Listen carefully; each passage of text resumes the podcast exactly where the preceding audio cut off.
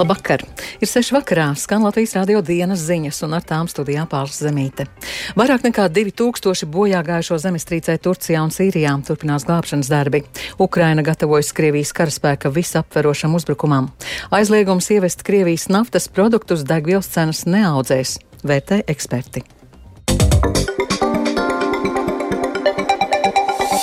Vairāk tūkstoši cilvēku gājuši bojā zemestrīcē, kas nodarījusi plašus postījumus vairākos reģionos Turcijā un Sīrijā. Dabas stihijā ir sagrauti tūkstošiem dzīvojumu ēku. Kopumā bojā gājuši vairāk nekā 2300 cilvēku. Turcijā miruši te 1500, vairāk nekā 800 bojā gājušo ir Sīrijā. Sagaidāms, ka zemestrīces upuru skaits pieaugs un plašāk stāsta Rihards Plūme. Turcijā zemestrīces nav rēta parādība, taču šī ir viena no lielākajām valsts vēsturē. 7,8 magnitūdas spēcīgā zemestrīce pārsteidza Turcijas dienvidu austrumus naktī, kad cilvēki atradās mājās un bija aizmiguši. Stihijas rezultātā vairākās pilsētās pilnībā vai daļēji sagrautas tūkstošiem ēku, kurās atradās tūkstošiem cilvēku. Zemestrīces epicentrs atradās zem Pazardžikas pilsētas Kahraman Marašas provincē, bet pazemes grūdieni nodarījuši nopietnus postījumus arī vairākās blakus provincēs. Zemestrīce nodarījusi milzīgus postījumus arī Sīrijas rietumos un ziemeļos esošajās provincēs. Izdzīvojušie stāsta, ka tik spēcīgu zemestrīci viņi savā dzīvē nav pieredzējuši. Kāds vīrietis no Diyarbahiras pilsētas stāstīja par savām sajūtām. Es gulēju, kad sieva mani pamodināja. Zemestrīce bija ļoti spēcīga. Mēs bijām ļoti nobijušies. Visapkārt bija briesmīgs troksnis. Pagāja gandrīz divas minūtes, līdz kratīšanas apstājās. Milzīgs skaits cilvēku piedalās glābšanas un meklēšanas darbos. Turcijas iekšlietu ministrs Silēmans Soilū sacīja, ka zemestrīces seku likvidēšanā ir iesaistīti visi iespējamie resursi. Zemestrīce ir radījusi plašus postījumus. Stihijas skarto provinču gubernatori vada seku likvidēšanas darbus. Žandarmērija, policija, bruņotie spēki, ārkārtas dienesti, Turcijas sarkanā pusmēnesis organizācija un brīvprātīgo glābēju un meklētāju komandas no visas visas valsts ir nosūtītas uz katastrofas skartajiem reģioniem. Pēcpusdienā Turcijas Kahraman Marašas provinces atricināja vēl viena 7,5 magnitūdu spēcīga zemestrīce.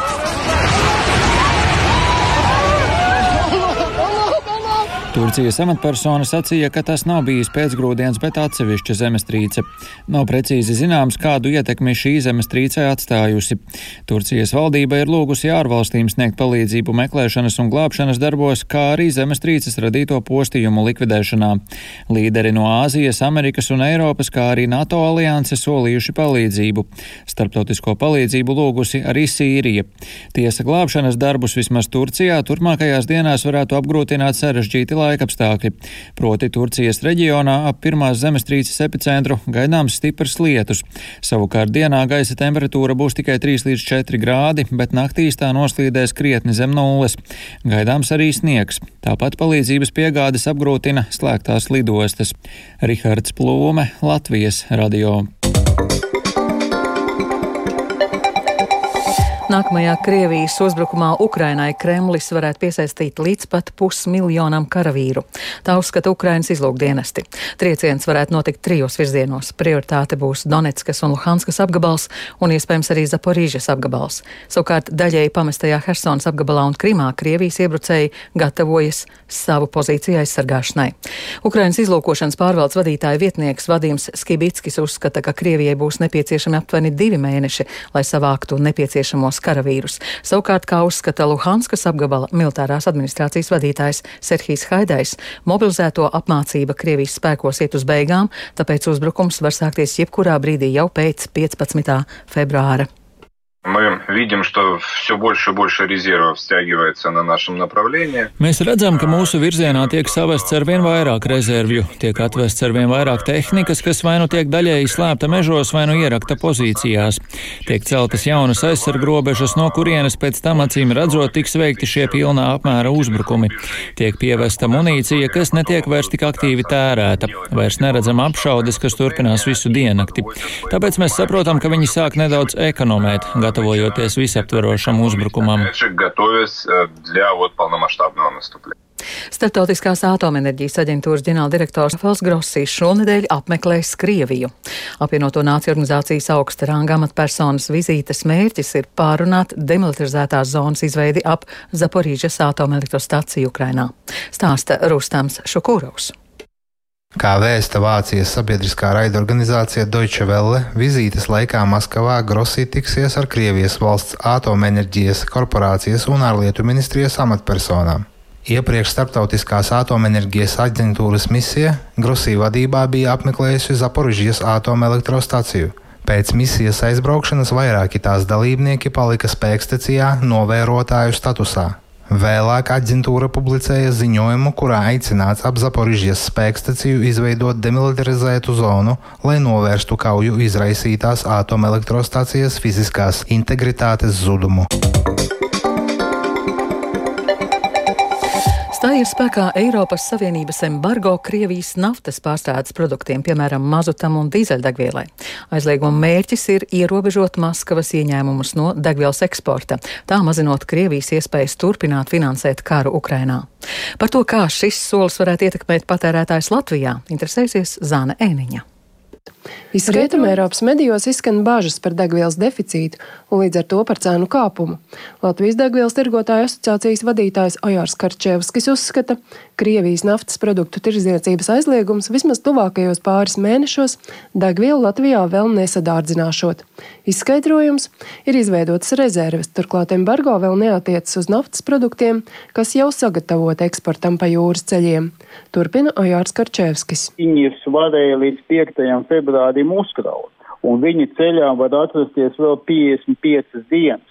Līdz ar to mums ir pāragri vēl runāt par ietekmi. Katrā ziņā labi ir tas, ka šīs drudzis vai tādas gaidas, ko arī visi pamana, viņas ir rezultējušās tā, ka naftas cena krīt un apstājusies arī pieaugums destilātiem, respektīvi benzīnam un dīzeļdegvielām.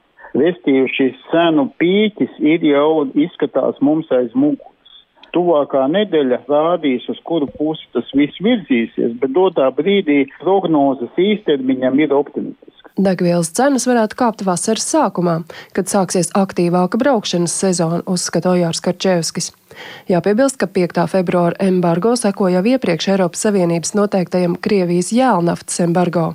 Krievija gan atradusi iespēju pārdot ievērojami vairāk naftas Indijā un Ķīnā, tomēr Eiropas sankcijām ir bijusi ietekme, stāstā ārpolitikas institūta pētnieks Gins Jēgermanis. Uzreiz jau bija jūtams diezgan liels trieciens. Kopš decembra Krievija zaudē katru dienu 160 miljonus eiro. Krievijas enerģijas ienākumi janvārī kritās par 54% salīdzinājumā ar decembri. Un savukārt ienākumi ir mazāk par 46% salīdzinājumā ar pērno janvāri. Saskaņā ar Iegermaņa teikto, paredzams, ka šogad sankciju dēļ Krievijas ienākumi no naftas samazināsies par vismaz 25%. Zana Eniņa, Latvijas radio. Būvniecības valsts kontrolas birojam lūgs pagarinājumu stūra mājas eksploatācijai. Latvijas rādio pastāstīja valsts nekustamo īpašumu vadītājs Renārs Griškevičs. Kultūras ministrija savukārt gatavo arī speciālu likumu stūra mājas statusa noteikšanai, jo ēkas daļa, kurā izvietota Latvijas okupācijas muzeja ekspozīcija, ir jāremontē. Stāsta Linda Spundiņa. Koalīcija lēmusi, ka kultūras ministrija gatavos speciālu likumu stūra mājas statusa noteikšanai. Iecerēts, ka likums noteiks stūra mājas aizsardzību, kādā veidā nam atjaunos un no kurienes tam piesaistīs naudu. Ministrijas parlamentārais sekretārs Ritvers Jansons no Nacionālās apvienības saka, ka ministrija likumu var ātri izstrādāt, taču tas nebūs šajā mēnesī. Ministrija var ļoti ātri viņu virzīt tālāk, ja būs politiskais atbalsts, jo rāmis jau ir tikai mums ir jāsaprot praktiski tās lietas, kā tiks atrasts nepieciešamais finansējums, lai saglābtu to ēkas daļu, kas draud pārvērsties avārijas stāvoklī. Līdz februāra beigām tas nav iespējams mhm. izdarīt nekādā ziņā. Būvniecības valsts birojas, zinot to, ka ir šis politiskais lēmums rūpēties par stūrmāju, tiks lūgts pagarināt šo uzraudzības termiņu. Būvniecības valsts kontrolas birojam vēl tikai lūgs pagarināt uzraudzības termiņu, līdz brīdim, kamēr likumi izstrādās un papildu naudu steidzamiem darbiem atradīs.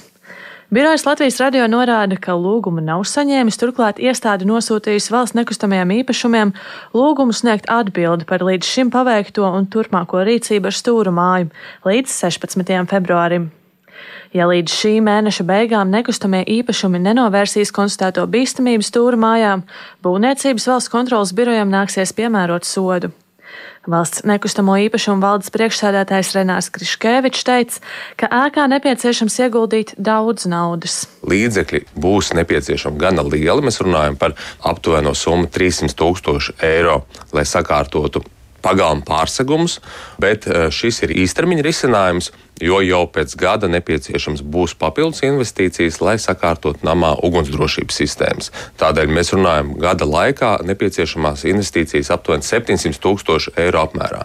Bet pēc būvniecības valsts kontrolas biroja atzinuma un ekspertīzes, lai namu sakārtotu ilgtermiņā kārtībā līdz uh, piecu gadu periodā, ir nepieciešama namam investīcijas aptuveni 14 miljonu eiro apmērā. Par aptuveniem 300 tūkstošiem eiro iecerēti patvaļīgas būvniecības nojumes novēršanu un iekšpagalma pārseguma atjaunošanu. Tad varētu turpināt ēkas eksploatāciju un muzeja telpu izmantošanu līdz nākamā gada 7. maijam. Linda Spundiņa, Latvijas radio. Latvijas kinoteātros joprojām rāda filmas ar krievu valodas subtitriem. Kinoteātros saka, ka to nevar ietekmēt, savukārt filmu izplatītājs skaidro, ka pēc tā vienkārši ir liels pieprasījums. Un plašāk Agnijas Lazdiņas ierakstā. Visas filmas kinoteātrī rāda tik ilgi un tādos formātos, kāds ir skatītāju pieprasījums jeb apmeklējums. Tā uzsver kinoteātris Fórums Cinema. Ja novēro, ka, piemēram, krievu dublāžas filmas versija netiek apmeklēta, to pārtrauc rādīt, atstājot filmu tikai latviešu valodā. Līdzīgi izsakās arī kinoteātris Splendid Peles pārstāvis Ivo Kiršblats. To dara filmu izplatītājs, un tā nav mūsu tur kaut kāda nostāja vai principiāla poza, vienkārši tā ir, kad filmu izplatītājs atnes filmu, un tur ir valodas un titri. Latviešu filmu izplatīšanas uzņēmuma Baltic Content Media izpildirektore Ilze Roķa stāsta, ka filmām tiek veidoti subtitri Krievu valodā, jo tāda ir filmas producenta vai režisora vēlme. Mūsdienās ir producenti, kas grib, lai filmas būtu subtitrētas tikai angļu valodā, ir producenti, kas režisori, kas negrib vispār nekādus subtitrus, un ir producenti, kas tas labprāt vēlas arī Krievu. Tas ir vairāk vai mazāk saistīts arī ar to, ka mums ir Latvijā diezgan daudz ukrāņu cilvēki, kuri grib skatīties filmas Valsts valodas likuma 17. pants nosaka, ka publiski demonstrējumās kinofilmas, videofilmas un to fragmenti ieskaņojumi vai dublējumi valsts valodā, vai arī vienlaikus oriģinālajai valodai jānodrošina subtitri latviešu valodā. Turpina valsts valodas centra valodas kontrolas departamenta vadītāja Madara Rēķe. Un neizšķir nevienu konkrētu citu valodu, kurai būtu kāds īpašāks status. Ja filmā rāda krievu valodas vai citas svešvalodas subtitrus, tad latviešu valodas subtitriem ir galvenā vieta, proti tie nevar būt formas vai satura ziņā mazāki vai šaurāki par subtitriem citā valodā. Agnija Lazdiņa, Latvijas radio.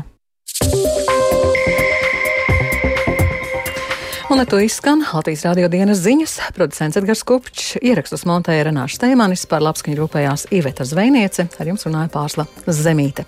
Īsi svarīgākais - vairāk nekā 2000 bojā gājušo zemestrīcē Turcijā un Sīrijā. Tur turpinās glābšanas darbi. Ukraina gatavojas Krievijas karaspēka visaptverošam uzbrukumam. Un vēl par laika apstākļiem. Yeah.